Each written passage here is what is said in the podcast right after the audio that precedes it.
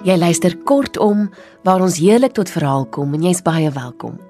Ons gaan vanaand luister na 'n kort verhaal uit die pen van Jan Rabie, getiteld Die bed.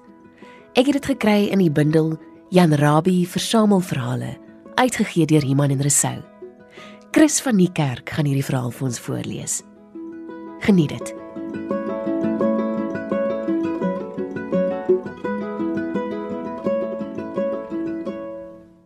15 pond het ek 15 pond het ek 15 pond. Kom dames en here moenie dat ek my asem mors nie. So baken kry mense aldag nie. Wie sê 16 wie sê 16 15 pond het ek 15 pond. 10 16 16 die afslaer se stem knetter soos masjiengeweer oor die skare mense wat mekaar verdruk. Bo op 'n tafeltjie staan hy hoog bo die mense soos dit afslaer betam.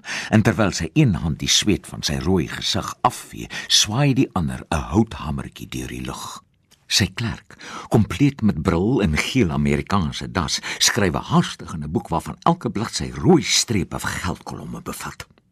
Die toeskouers is meestal boere met groot skaamvoete en bruin hoekige gesigte, want dit is Saterdagmôre en dis gewoonte dat die dorp sy tweedehandse en nie meer modieuse meubelstukke aan die platteland oorhandig. 'n Groot dubbele bed is nou aan die beurt. Grove hande bevoel die vere en matras, die pote op ysterwielietjies en die massiewe panele van die kop en voetnet. 'n Oudtydse familiebed is dit, 'n gevaarte uit die dae toe families nog families was. Daar was heel party biers aan die begin, maar hulle het uitgesak tot net 3 oorgebly het. Ouma Aaron Die Joodse winkelier met sy bleskop en sy vals stemmetjie, 'n dik kleurling vrou aan wie se rokke drie ewe groot kleintjies hang en groot Corneels die jager. Groot Corneels wat reeds sy hand op die koperknop van die bedstyl hou en sy droë lippe lekker lekker terwyl hy beurtelings na sy teenstanders en die afslaer gluur. So pas het hy 16 pond gebie en Aaron toe uitdagend aangekyk. Aaron nou hom doodluiters. Sonder dat dit lyk of hy kop roer, knik hy vir die afslaer. 16 pond 10, 16 pond 10, 16 pond 10 het ek. Die afslaer gee 'n sluk dat sy Adams appelboon toe spring en hervat toe weer so vinnig soos 'n kalkoenmannetjie wat vloek. 16 pond 10, 16 pond 10, toe dan dames en here, pragtige bed. Hierop sal julle soos koning slaap. 17 pond magtig, skree die kleurling vrou met eens. Daar is beroering, veral onder die groepie om groot kaneels. 'n Ou boer met 'n vergeelde bokbaard, ou TV Kleinhans, lyk of hy besig is om in sy pruimpie te stik en langs hom het 'n plompe meisie met vaal haarvlegsels, sy dogter Hester, 'n kleurtjie op haar wange gekry. Oudtewie se seun, Freek, staan met oopgesakte mond en kyk. En aan die ander kant van Groot Kerneel sit 'n jong boer met 'n plat bors onder sy kakiehemp, vir die eerste maal sedert die beery opgekyk. Sy gelaatstrekke wys dat hy die broer van Groot Kerneels is, maar wat opval, is dat sy oë, wat nog altyd op die grond gerig was, nou na die vet kleurling vrou staar. Die groepie mense is almal kransfonteiners, tuinboertjies van die diepvallei. Vir hulle het die bed 'n bepaalde betekenis. Ou TV fluister heftig: "Nooit, Kerniels, jy kan nie meer nie." Maar groot Kerniels hoor dit skynbaar nie. Dit lyk of hy dwars oor die bed kan spring en sy mededingers wurg. Sy ander hand kom ook by, sodat albei sy vuiste die stylknop in 'n uister greep het, en terwyl hy vorentoe leun en die sienings uitstaan op sy rooi behaarde arms roep hy: "20 pond!" Afslaer slaan sonder een oomblik se pouse oor in die nuwe dientjie van 20 pond 20 pond. En dit lyk of daar geen einde aan die 20 pond gaan kom nie want die kleurling vrou het brommend omgedraai gevolg deur haar vaarwater kinders en eers toe die afslaer al dramaties sing vir die eerste keer vir die tweede keer gee die jood 'n wit laggie en loop ook skouer ophalend weg. Die afslaer se stem sak soos 'n stormwind wat uitgewoed is. Vir die laaste keer die hamer kap. 20 pond, meneer die jager. Die klerk skryf ywerig en teken 'n swierige 20 pond aan in die rooi gebied van die geldkolomme. Die bed is groot Kernielsen.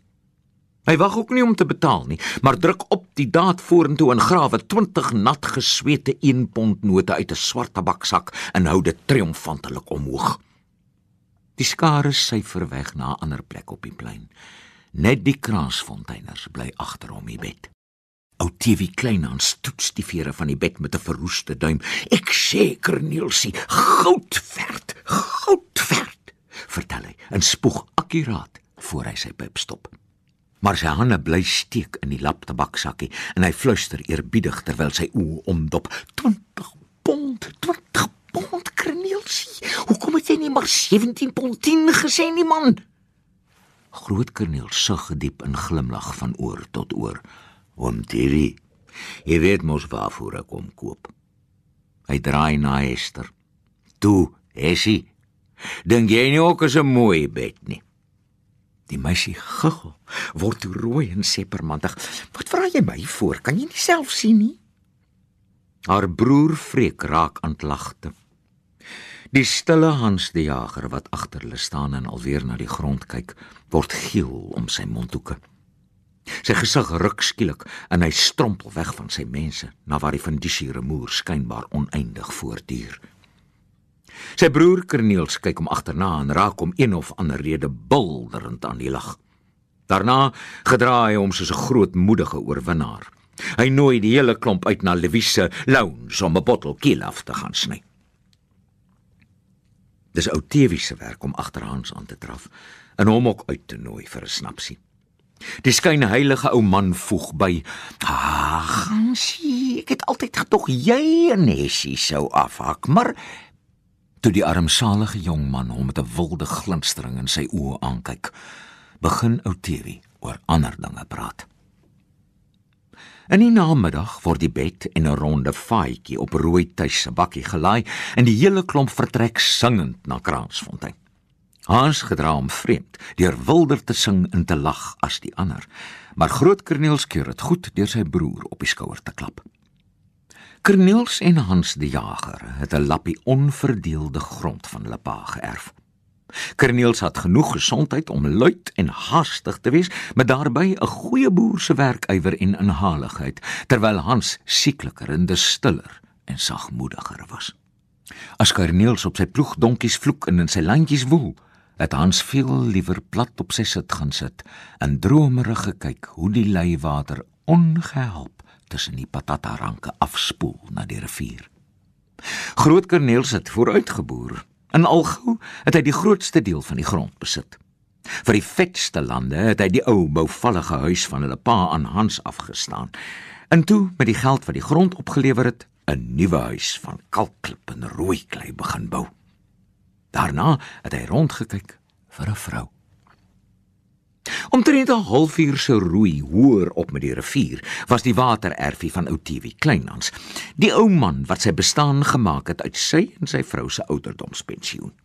Sy dogter was net mooi bekwam, 17 jaar. Die mooiste dogter langs die hele rivier, en slim geleerd. Daar sy standaard 6 die vorige jaar deurgekom het. Ongelukkig het al twee broers sin in haar gehad. En die skielike nuwe lewe van Hans het die hele verloop van sake deurmekaar kom krap. Daar is selfs vertel dat hy en Corneels op 'n kwaai somerdag handgemeen geraak het en dat groot Corneels sy broer verdood langs die water laat lê het. Hans het hom nie laat afskrik nie. En elke Saterdag aand het hy saam met groot Corneels sy verskyning in Outewie se voorhuisie kom maak. Die meisie was te bang of te skaam om te kies. Die gepraat van die bure het so erg geword dat Outivi verplig was om 'n vader se plig uit te oefen en self vir sy dogter te kies. Van toe af was groot Corneels se saak reg en Hansen hopeloos. Groot Corneels se ranke was die mooiste langs die hele rivier. Sy grappies die luidste, sy twaksak die grootste en 'n vol bottel die gereeldste naweek verskynsel in sy buitebaadjie sak. Die hoogtepunt van sy oorwinning is bereik met die fundisie toe hy die bed gekoop het, want hy het goed geweet dat Hester voortaan ook syne sou wees. Hans het nie 10 pond op sy naam nie, tog het hy saamgegaan na die fundisie. Die spottende bure het gesê sy asem is lank en sy vel dak. Rooi tuise bakkie het die kleinhanse en die jagers die bed en die faadjie voor ou Tewie se deur langs die rivier afgelaai. Tamarai het hande afveend aan haar voorskoot uit die huisie gehardloop gekom. Nou staan hulle eers weer die bed en bekyk. Hans is so verspot dat hy lank uit daarop gaan lê en maak of hy snork. Groot Kerneel steek sy duim tussen sy gord en sy swart onderbaadjie in en verklaar met trane in sy oë: "Dis jou nesie. Ek het hom vir jou gekoop. Ek beloof ek sal nie op hom slaap voor die troue nie." Die meisie weet nie watter kant toe om te kyk nie. Skielik word sy kwaad en vlug weg na die huis. Ou TV en Tamarai hou vol. Hulle moet eers huis toe kom en koffie en brood kom kry. Ou TV kyk ook veel betekenend na die faaitjie, maar eers simpatiseer hulle met Hans wat nar geword het tussen die riete. Die arme kerel kry ou TV aan sy baadjie pante beet en sê in 'n huilstem: "Voel my sakke, oomie. Daar's nie 'n penny in nie." Hy laat ook nie los voor die ou baas hom vergewis het van wat hy lank al weet nie. Groot Kerneel staan op breed geplante bene, sy geld en skut in sy broeksakke, en hy lag vir die fratse van sy broer. Skielik sê hy veragtelik: "Jy kan nie saamboer met my nie. Wat nog te sê, saam vry." Dit is sterk donker as hulle weer by die bed staan. 'n Bietjie nugterder die keer. En dit in die skuit begin laai wat dit 2 myl met die rivier moet vervoer. Groot Corneels het gesê hy gaan 'n opskud gee om die gebeurtenis te vier en 'n klomp jong mense met gitaar en konsertina in 'n tweede skuit is ook by. Die bed word dwars oor die agterkant van die skuit gesit, pote na bo en Groot Corneels klim daar agterin om die stuurspaan te vat. Na hy Esther en die faatjie langs hom ingetel het. Ou TV en Tamarai stop op die voorste bankie terwyl Freek en Hans die roeispane in die middel behartig. Daar trek die skuite weg, al in die stroom op tussen die donker rietoevers. Die rooi is swaar werk, want dit is groeiwater en die skuit is swaar gelaai. Maar gelag en geroep weer klink en die gitaar tongel sy hoogste note agter die swiere van die konsertina aan. Die spane plas en om elke spaan steek flikker fosforvonkies so talryk soos die sterre aan die hemel bo. Toe 'n vis bleek plons, guggel 'n meisie hier's en sag. Groot Kerniels het sy een arm om Hester se lyf en na hy na die agterste skuitmense geskree het, vra hy vir Hans: "Waarom is jy so stil, Hans? Ag nee, ak kerel, ruk jou reg en wees vrolik. Gee die bottel vir hom aan oom TV." Van Hans kom geen antwoord behalwe sy spaan geluide nie. Toe ou TV 'n vuurhoutjie trek om sy pyp aan te steek, is die jong kerel se oë met 'n dromerige uitdrukking op die donker oewer gefestig. Nadat die vuurhoutjie dood is, verskyn die nag nog donkerder en die water so swart dat die fosforborrels spookagtig lyk. Groot Kerniels vra skielik weer driftig: "Hé, Hans, wat makeer jou?" Toe Hans nog steeds swyg, word 'n gestoei en die geluid van 'n soen op die agterste bankie gehoor. Daarna leun groot kerneel so ver agteroor dat die skuit begin skommel. Hy begin in 'n basstem sing. Dit staak hy om spottend te vra: "Hans, wat dink jy? Sal die bed nie lekker lê nie?" Eindelik kom hulle by die landingsplek aan. Die skuit se neus voel tussen die riete deur. Ou Tewie spring af en maak die tou vas. Nou ja, aflei. Vasvat kerels, roep groot Kerniels en hy pak die bed van agter. Hans en Freek staan op van hulle roeibankies en lig aan die voorkant. Maar Hans is lomp en hy laat val sodat 'n gekraak gehoor word. "Wat 'n slegtigheid is dit met jou?" skree groot Kerniels woedend. Toe staan Hans orent met sy hande langs sy sye en kyk sy broer vol in die gesig. Ek sal jou wys. Ek kan hom alleen dra. Sy kort asemig en beur op die daad sy lyf onder die bed in. Dan staan hy regop met die swaar gevaarte gebalanseer op sy kop en skouers en klim op die bankie daarmee. Die ander gaap hom aan, want dit sou groot Kerneel self nie eens probeer het nie. En in die duisternis blink Hans se gesig vir hulle soos die van 'n spook.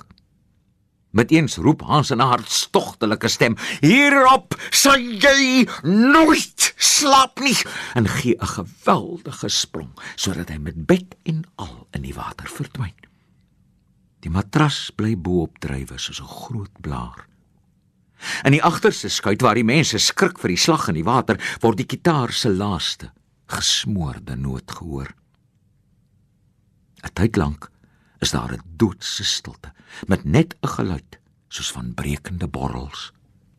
Vader, fluister Otewie. Wie kon dink hy het soveel krag? Die water is diep hier, meen Freek. Die borrels breek nie meer nie en die water lê doodswart in sonneroering in die lig van die vuurhoutjies wat groot kerneels aanhoudend trek in bo sy kop hou. Met eens gee die meisie 'n gil en spring op en vlug die skuit uit na die land waar hulle haar in die donker hoor kerm. Groot Korneel staan met gebalde vuiste omhoog gesteek. "Die Here hoor my!" roep hy met 'n stem wat deurslaan van woede en spyt. "Ek sweer, hy kry nooit sy sin nie. Op die daad gaan ek die bed uithaal met hakke. Hom kan die visse maar opvreet." Daar dieselfde nag het groot Korneels die bed opgevis met groot hakke gebind aan rieme en bamboestokke wat hy oor die bodem van die rivier gesleep het. 'n Groepie verskrikte mense het lanterns omhoog gehou. In die kopergeel lig daarvan het hulle uiteindelik die gevaarte bo die water sien verskyn en teruggeduins vir die slijmbedekte mensgestalte wat aan die onderkant daarvan vasklou. Groot Cornelis het die bed in sy slaapkamer laat sit en gesweer dat hy hom nie sal laat afskrik deur sy broer nie. Maar Hester Kleinhans het nooit sy vrou geword nie. 'n Bygelowige vrees het haar verbied om in 'n huis te gaan waar die bed staan. Groot Cornelis het 'n verbitterde man geword. Hy was verplig om vir hom 'n vrou in 'n ander geweste te gaan soek. Die Kransfonteiners vertel dat die vloek van die dooie haas op groot Korneel sal rus solank hy die bed in sy huis hou. Want hulle glo 'n man wat met sy lewe daarvoor betaal het, het meer reg op die bed as een wat net geld daarvoor gegee het.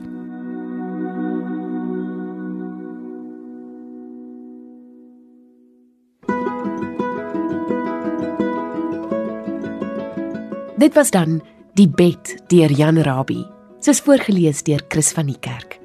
'n Heerlike aand vir jou verder. Tot volgende keer. Totsiens.